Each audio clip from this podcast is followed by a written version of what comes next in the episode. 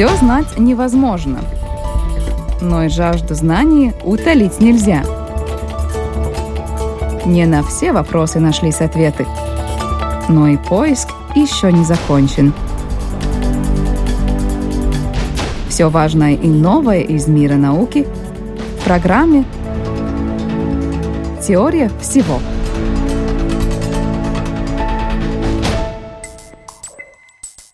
Здравствуйте, дорогие друзья! Вы слушаете Латвийское радио 4, программа «Теория всего» в эфире. Меня зовут Алексей Гусев.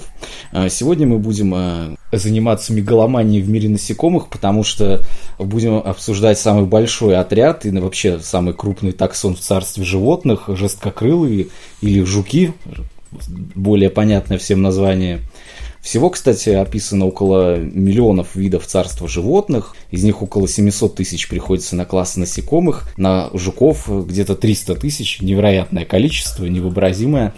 И чтобы все-таки понять, у них имеется ли нечто общее, и что это общее, почему их столько много, мы сегодня об этом всем поговорим с членом правления Латвийского энтомологического общества Дмитрием Тельновым. Дмитрий, здравствуйте. Добрый день. Да, ну действительно, если смотреть на отряд самый многочисленный млекопитающих, грызуны, 2277 да, да, видов да, описано, а жуков, да, 300 тысяч. Как так получилось? Эволюционное время, возможно, у млекопитающих поменьше было. Ну так, э, смеясь. Не, ну конечно, млекопитающие объекты, ну скажем так, более крупные, э, более крупным объектом, наверное, и среды, ну, грубо говоря, окружающего пространства требуется больше. Э, ниши, ниши все, наверное, тоже млекопитающие птицы занять не могут – потому что если мы рассматриваем насекомых, там, наверное, главную роль даже играет не ниша, а микрониша, да, то есть микробиотоп. Ну, лес, да, хорошо, но насекомые-то они будут в этом лесу встречаться под корой деревьев, на ветках, на листьях, на кустах, в почве и так далее, да. И, и это все будут разные насекомые. Это все будут разные насекомые, очень разные насекомые. Э, ну да, с, с позвоночными животными, ну, ситуация все-таки немного другая. Тут, наверное, ну, в принципе, даже параллели проводить просто не стоит, да, это, ну, позвоночные, позвоночные, беспозвоночные, беспозвоночные. Ну да, но даже среди насекомых жуки выделяются, что называется, своей успешностью. Ну, вот мне так иногда хочется сказать, или это жуки выделяются, или это мы колеоптерологи, то есть жукологи их выделяем, поскольку нас больше.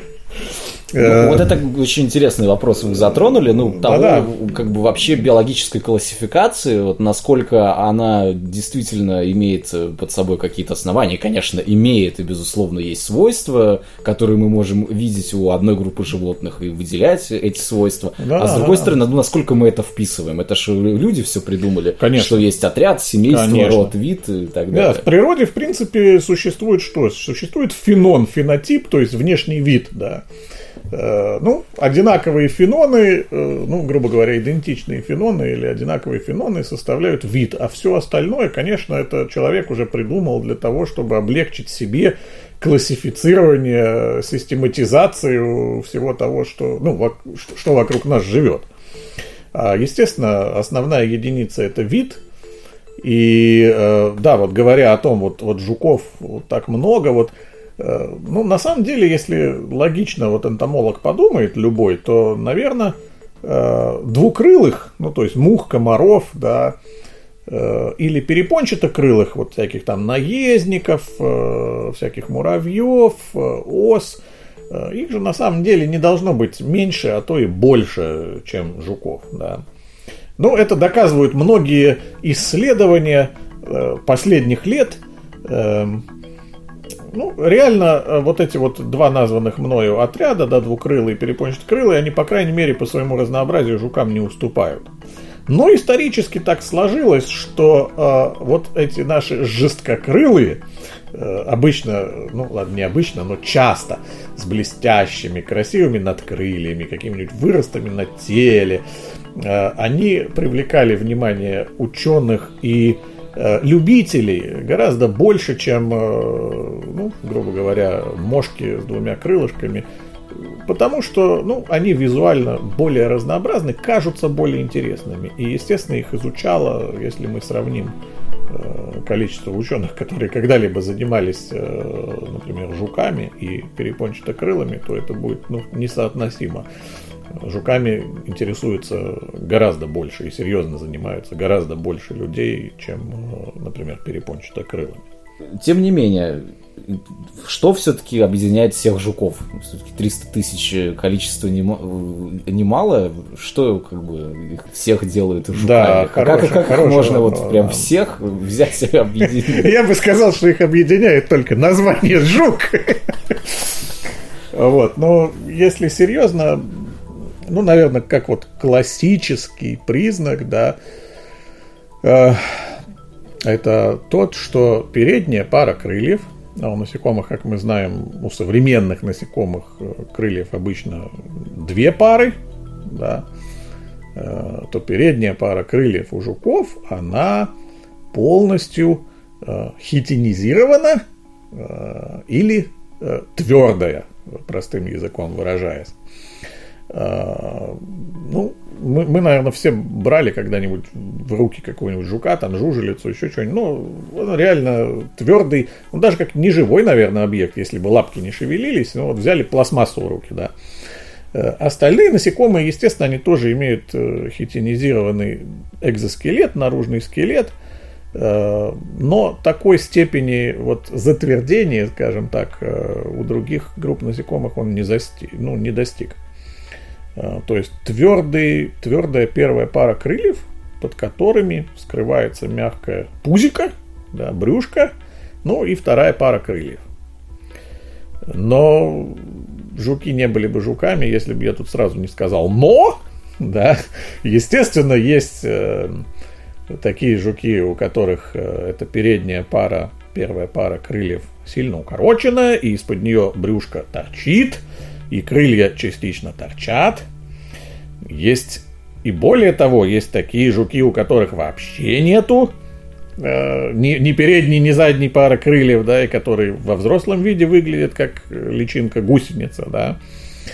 Э, ну, то есть исключений очень много, но вот в общем, в общем, это жесткие надкрылья. А вот второй показатель, я просто сейчас так отвечу, вот как будто вот хочу от вас отвязаться, а вот по генам они родственны, исторически, эволюционно. Исторически, эволюционно. Э, э, это, кстати, замечательно, и я думаю, что, конечно, мы к этому вернемся.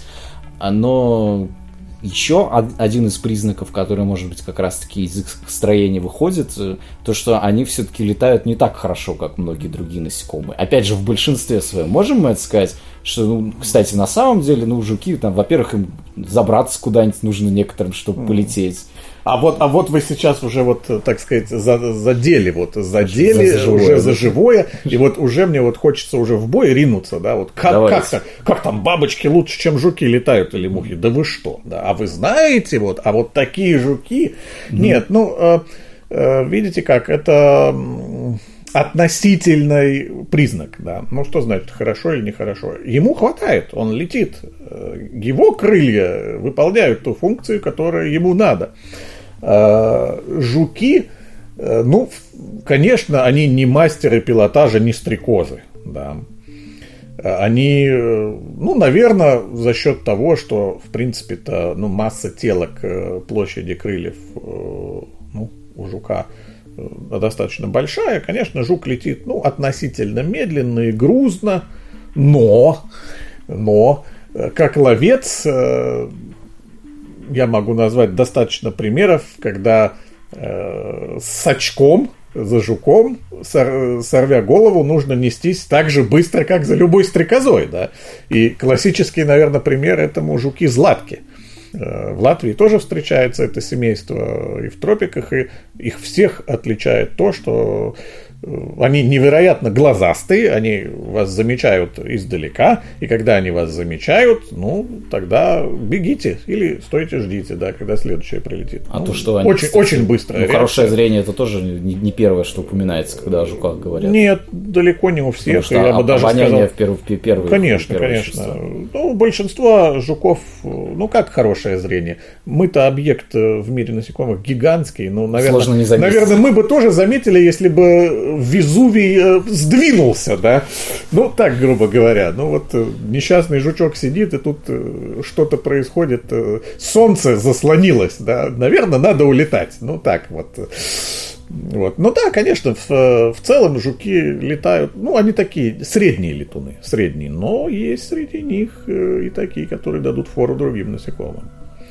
Сказали, генетическая общность есть у них, соответственно, одна из моих любимых частей всегда в таких разговорах эволюционная, собственно, О, да. когда появились, э, какие сейчас насчет этого догадки, как отряд, то есть кто их первый предок, это вот вообще какие времена, можем ли мы что-то вот определенное сказать по этому поводу? Я боюсь, Понятно. что определенное сказать мы на данный момент не можем, да, есть какие-то фрагментарные данные, и проблема, наверное, основная э, в том, что вот современные методы, молекулярная биология, да, генетика, э, они появились относительно недавно, а вот запас других знаний и материала, который имеется, ну, по энтомологии или по жукам, ему уже многие сотни лет, да, то есть музейные материалы, какие-то записи, находки ископаемых жуков, э, ДНК из которых выделить, ну, невозможно, потому что это камень, отпечатки в камне, да, Э, и вот э, сопоставить первое со вторым, то есть, да, там, скажем, ДНК с, э, с находкой самого древнего жука, можно, это делается, но это все равно более-менее относительно. То есть, видя, ну, изучая, имея на руках, например, насекомое, ну, предположим, в янтаре, да, 40 миллионов лет – Э, мы видим те же самые признаки, э, которые присутствуют, например, у современных э, видов родственных, да, той же самой группы, или их не видим. И отсюда мы можем делать примерный вывод, что конкретному признаку минимум 40 миллионов лет. Да. Секвенцируя ДНК у современного родственника, вот этого вот застывшего в янтаре жучка, выделяя гены, и э, понимая, какой ген, например, какой фрагмент нуклеотида отвечает за, этот, за образование вот этого признака, мы можем сказать, окей, вот этот участок ДНК жука появился не, не позже, чем 40 миллионов лет назад. Да. Э, вот таким образом можно какие-то э, какие-то попытки делать реконструкции, то есть э, как давно, что возникло, что было первое, но все равно 40 миллионов лет это ничто, потому что ну, первые, первые ископаемые жуки это мезозой, это уже 100 миллионов лет назад. Конечно, э, когда техника дойдет э, до того, что я сейчас фантастикой считаю, mm-hmm. вполне возможно, что совсем другую картину мы увидим, чем нам сейчас кажется. Э, ископаемые жуки, естественно, они, ну, как бы это попроще сказать, Э, даже по внешнему своему виду, вот по каким-то таким э, э, признакам, на которые специалист сразу обращает внимание, они простые, да, ну, назовем примитивные, простые по сравнению с тем, как, что такое классический жук сейчас. До нас дошли целые семейства и даже подотряд жуков, который действительно очень древний. Они так и называются, подотряд древние, да. Э, и э, мы, грубо говоря, имеем живых ископаемых. Э, похожая ситуация, например, как с готериями, с туатарами, с ящерицами, да, вот, которые тоже как бы считаются очень-очень древними и есть очень древние организмы. Эти живые ископаемые помогают что-то понять, да, то есть вот эта ветвь, она Но, но с другой стороны, да, эта ветвь-то, она, в принципе, тупиковая оказалась. Она как, как была 100 миллионов лет назад э, с такими признаками, так и сейчас с ними осталась. Это про те, у кого концы крыльев закручены в спираль? Ну, может быть, не так э, совсем, да, но там, там другие признаки. Там форма средней груди, там тазики, в общем, там много таких эпистерны, эпимеры, да, ну, такие. Э, они просто не такие, как большая масса современных жуков. Тем не менее, действительно, они до сих пор среди нас, ну не знаю, у нас ли вот здесь в Латвии. Э, ну, мы людей, так скажем, они, Австралия, да. Новая Зеландия, Чили, да, то есть mm-hmm. вот классический, э, как мы знаем, регион, да, где, ну, естественно, и в других местах они тоже есть, но гораздо менее разнообразны, чем, чем вот в этих перечисленных. Ну, то есть вот древности сохраняются э, либо на каких-то очень изолируемых, изолированных э, участках суши, так их назовем, да, э, либо в биотопах, в таких нишах, которые мало изменялись, да. Ну, эти ниши, это, наверное, ну, для Земли тропические леса, да, которые, ну, влажно и мокро, и есть какая-то древесина, растительность, да, многие, многие, многие десятки миллионов лет. Да программа «Теория всего», Латвийское радио 4, энтомолог Дмитрий Тельнов. Говорим мы о многообразии и великолепии жуков сегодня. Есть точное представление, что есть хищные жуки и травоядные. Ну да. И, да, да. соответственно, их таким образом как-то Имеет, имеет ли смысл делить и классифицировать? А, вот, и чем они друг от друга отличаться будут? А, ну, в принципе, тут тоже вот так а, интересный момент. Действительно, даже на уровне систематики жуков разделяют э, как бы по подотрядам вот э, хищных жуков и многоядных или всеядных жуков, да. Еще разноядные. Ну да, разноядные, естественно, да. На самом деле, ну как, подотряд это все-таки, опять же, искусственная единица, да, и она очень высокого уровня среди так называемых хищных жуков достаточно тех, кто на самом деле питается растительной пищей. Да. Среди многоядных э, много тех, кто, например, там падалью питается или хищничает. Да. Но общие какие-то черты однозначно, ну опять же, это черты строения, морфологии, анатомии, отделяют один подотряд от другого. С точки зрения экологии, однозначно это ну, очень четкое подразделение. Да листоед живет, например, на листьях дерева, э, чтобы э, он не бегает быстро, ну, соответственно, что ему бегать? Он не жужелица, который на земле там червяков ищет и гоняется за другими жуками, да, а он ходит и лист грызет, да, и что ему для этого надо? Ему нужно за этот лист хорошо цепляться. Соответственно, у листоеда лапки расширенные, они реально расширенные, широкие, он так вот стабильно стоит. А у жужелицы хищной лапки тоненькие, длинненькие, она на них ты -ди -ди -ди, быстро бегает. Да? Очень четко по экологии, вот взяв жука в руки, в принципе, можно, ну, конечно, не всех, да, но можно сказать, о, этот товарищ живет на деревьях, этот товарищ живет в термитниках или в муравейниках, а этот товарищ на почве, а вот этот плавает. Говорят, что божьи коровки являются грозой настоящими хищниками в мире насекомых. Ну и божьи коровки, и их личинки, ну, опять же, со своими исключениями, да, у божьих коровок есть целые группы растительноядные, причем вредители. Угу. Причем хорошие вредители, конкретные вредители. Например, на Дальнем Востоке, России, на Востоке Китая божьи коровки посевы пожирают, да. Но да, вот наши, там, скажем, семиточечные, двуточечные божьи коровки, классические, назовем их так, да, они действительно хищники, тлю едят, с муравьями, муравьи их за это гоняют, да, но они все равно тлю едят, да, хищники. Но на самом-то деле эти ребята относятся к подотряду многоядных mm. божьей коровки, mm-hmm. а не к подотряду хищных. Вот мы как раз и этот парадокс выяснили названий. Тоже есть, наверное, такое общее мнение, что ну, те, кто плотоядные, те должны быть более расторопными, потому что ваша добыча, она, так сказать, тоже от вас может убежать. Это правило здесь может действовать или нет? Я думаю, что оно достаточно хорошо действует. Достаточно хорошо, но, естественно, исключения составляют те виды, которые, не знаю, там охотятся из засады или из норки, да, вот, например, там личинки, жуков, скакунов, да, хищники жуткие, да, ну, все съедят, что их размера. На муравьях специализируются, вот они норку выкапывают, в этой норке сидят. Ну, они ждут, да, пока муравей пробежит, она из норки выскакивает, ну, как муравьиный лев примерно, да, и хватает этого муравья. А взрослый жук-скакун, он э, на мух охотится, и он такой активный летун, он этих мух э, может... Ну, в воздухе он этого не делает, но тогда, когда он видит, где муха села, он взлетает и сверху на нее падает, да, и хватает эту муху. Замечательный летун. Ну что ж, э, Дмитрий, хочу обратиться к вашему экспедиционному опыту. Все-таки ну, не зря мы здесь с вами об этом говорим.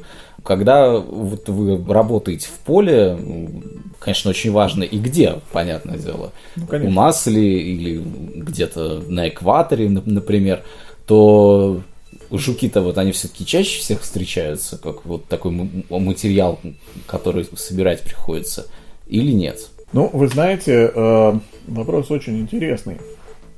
Вопрос действительно очень стоит того, чтобы рассказать.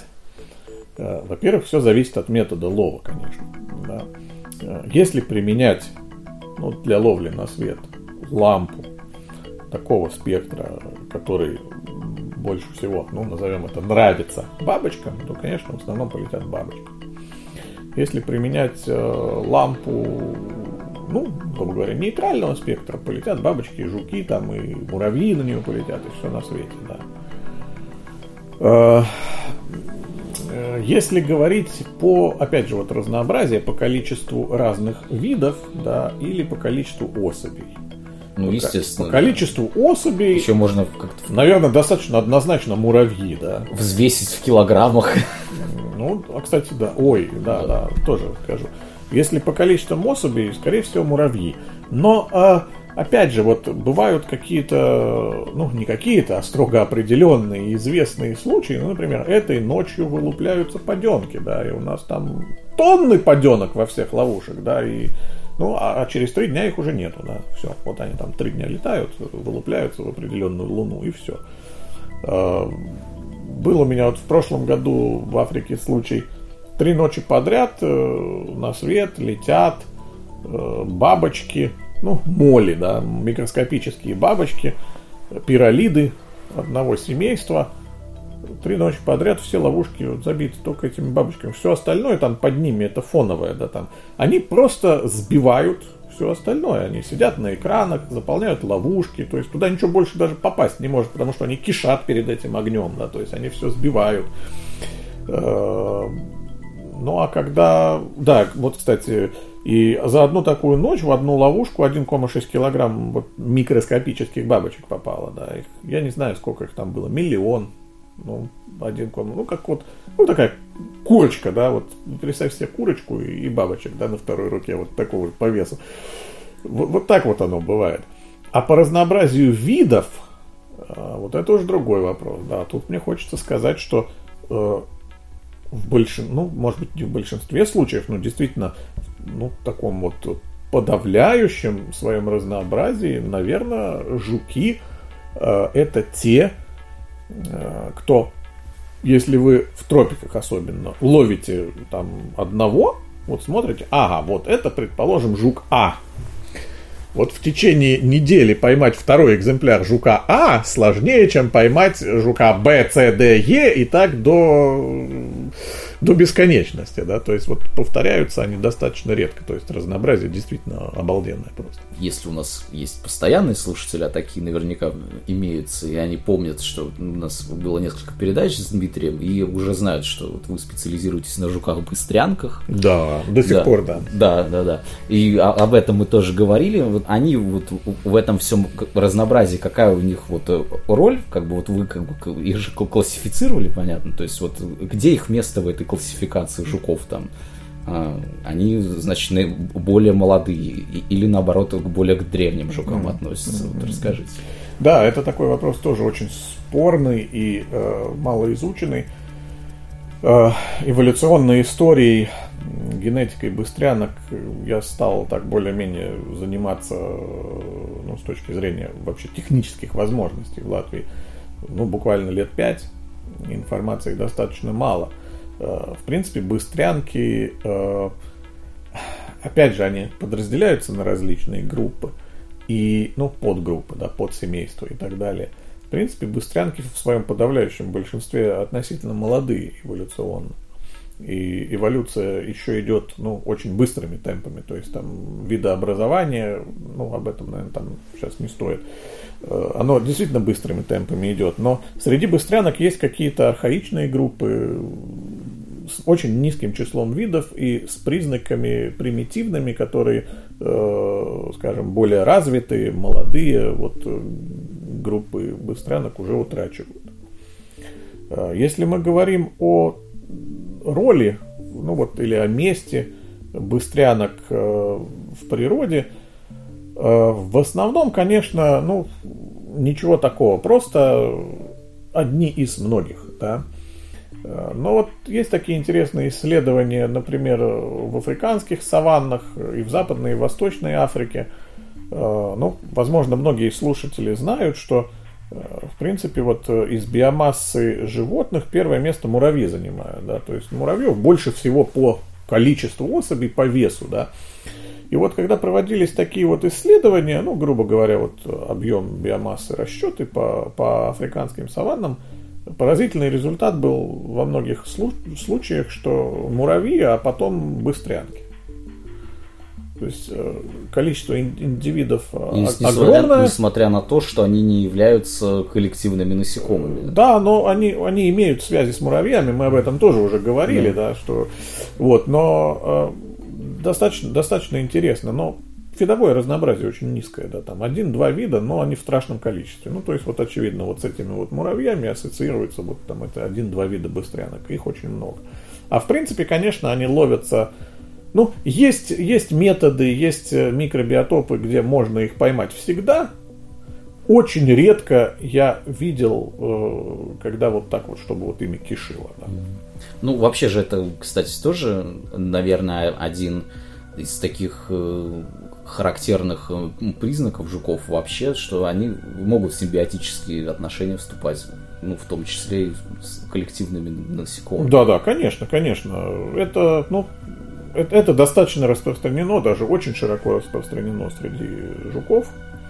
Э, ну, симбиоз э, или паразитизм. Я вот расскажу, может быть, э, о таком случае, когда а, а, вот, может быть, слушатели не слышали вот как раз о таком, да, есть такое, такое насекомое бобровая блоха. Вот охотники наверняка поймут меня, что это такое, да когда на охоте убивают бобра, ну, что я, как сказать, э, не особо поддерживаю, да, охоту как таковую, э, то э, положив бобра на кусок белой ткани или на бумагу, можно наблюдать, как ну, достаточно животное становится холодным, и с него, ну, такие вот бложки как бы падают и, ну, так плохо передвигаются и пытаются уползти в стороны. Вот эти вот бобровые блохи, это на самом деле жуки – это наружные паразиты бобра. А, эти жуки безглазые, бескрылые, без надкрыльев, абсолютно плоские, действительно как блоха. Только если блоха сдавлена со сторон, а, то бобровые блоха, эти жуки, они сдавлены сверху, да, воплощены. И они питаются, вот живут в шкуре бобра, питаются выделениями бобра. Да. Ну, в принципе, они там ничего плохого не делают, да, они не кусают, не жалят, они просто слизывают, да. Э, есть такое млекопитающее выхухоль, наверняка слушатели знают, да, в центральной полосе России встречается достаточно редко. Вот э, на этом млекопитающем тоже есть э, выхухолевая блоха, да. Другой вид, даже другой род, Э, но то же самое семейство, бобровые блохи, вот как и та бобровая блоха, которая в Латвии встречается. Вот это, наверное, такой очень интересный э, Действительно, случай. куда только не закинет жуков. Ну, да, может быть, нам вначале об этом следовало сказать, что ареал распространения, безусловно, у них весь мир. Ну, и, вот э, Антарктида, ну, так там ну, под вопросом. Ну, да. ну наверное, там тоже с полярниками что-нибудь в рюкзаках приехало. А так, да, да, конечно, повсеместно гордимся этим, мы жукологи очень, да. Да, что везде можно, собственно, ну, тоже вот выйти куда-нибудь и начать. Я бы даже сказал, что, наверное, для вот для супруги жуколога это такая карма, да, куда в отпуск не поедешь, э, муж всегда найдет, да. Как говорится, свинья везде грязь найдет, но вот это можно переиначить немного, да. Калеоптеролог везде жуков найдет. Я думаю, теперь-то как раз-таки мы готовы, наверное, на этот вопрос ответить, э, уже когда мы сказали, что, естественно, многообразие, оно может быть различным, может быть видовым, может быть э, просто количественным и так далее. А, с другой стороны, понятно, у нас есть вот это распространение невероятное, э, невероятное количество видов. Все-таки, как вам кажется, почему у жуков это получилось? Что делает их такими успешными? Потому что, ну, понятно, да, насекомых вообще много, но все-таки не все группы насекомых таким разнообразием могут похвастаться. Да. Что здесь ключевым оказалось? Ну, вот такой интересный вопрос, да. Э, адаптация, способность к адаптациям, способность занимать э, все возможные ниши, да. Ну, может быть, это как-то связано именно с их строением, то, что, может быть, они действительно, ну, как в большинстве своем, не, не так быстро летают, принесли это в жертву, но зато они лучше защищены, да, э, думаю, защищены что... от потери влаги с помощью их я думаю, Я думаю, что это так, э, ну, довольно условно. Скорее всего, все-таки вот э, это действительно фантастическая возможность приспосабливаться и заселять всевозможные ниши, да, изменчивость, да, то есть способность к этой изменчивости – Э, ну, я не знаю, насколько насколько твердые вот эти твердые надкрылья могут, ну вот как-то мне кажется, что это такая большей степени абстракции, да, что они могут, могут повлиять. Ну, в конце концов, для насекомоядной птицы, что жук, что пчела, что бабочка, ей все равно. Но она намного больше, она все равно ее поймает, раздавит, раздолбит и съест, да. То же самое для насекомоядного там ежика, например. Ну, какая ему разница, кого съесть? Жужелицу с твердыми надкрыльями или мягкую гусеницу бабочки? Ну, он несравненно более мощный э, ротовой аппарат, ну, разгрызет все. То есть это так вот, э, ну, даже, даже куда-то в философию, наверное, можно уйти, если, если долго над этим размышлять. Э, не, нету, у меня нету такого ответа, вот однозначно сказать, что вот, а вот, знаете, это вот то, что у них усики с одним из сегментов состоят. К сожалению, нет.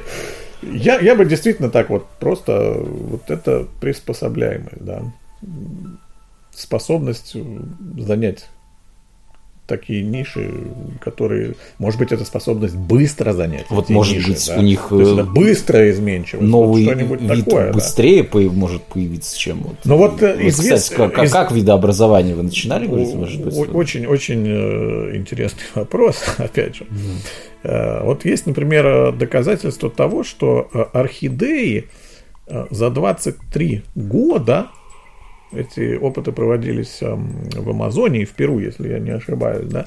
За 23 года меняются настолько, что их э, ботаники рассматривают как разные виды. 23 года занимает. Да? Э, у насекомых таких исследований нету, и я как-то очень сильно сомневаюсь, что это в годах, да, а не в миллионах лет. С другой стороны, ну, изучая большой объем вот материала, быстрянок, ну, вот как люди, ну, не найдешь же одного одинакового, да, вот мы как бы, ну, все разные, да, там, вот у кого-то волосы рыжие, у кого-то черные, да, у кого-то кудрявые, а у кого-то вообще нету. В принципе, так же и с жуками, да, то есть каждый экземпляр, вот этот упомянутый мною фенон, он, можно найти отличия, да, от, от, от другого. Э, Эрнст Мейер, э, вот родоначальник, наверное, эволюционной систематики и, в принципе, э, вот, систематики животных в том понимании, в котором она сейчас существует, сказал так, что хороший таксоном, таксономист, как это по-русски даже, я вот, наверное, таксоном, хороший, Ученый, занимающийся да, таксономией. Ну да, или вот систематизированием, да, да. он ищет не различия между вот фенонами, а сходство, да, потому что различия можно найти моментально. А вот понять, что вот эти вот 50 штук это все-таки один вид, а не 50 разных, вот это искусство. Что ж, ну, я благодарю вас за сегодняшний разговор. Надеюсь, что действительно мы сможем заинтересовать, и, может быть, появятся новые ученые, которые смогут, в частности, ответить и на вопросы о, например... Однозначно. Например, на, на вопрос да. о загадке э, многообразия жесткокрылых. А сегодня про жуков мы говорили с членом правления Латвийского энтомологического общества Дмитрием Тельновым. Спасибо, Радио. Программа «Теория всего» встретится с вами через неделю. Меня зовут Алексей Гусев. Берегите себя.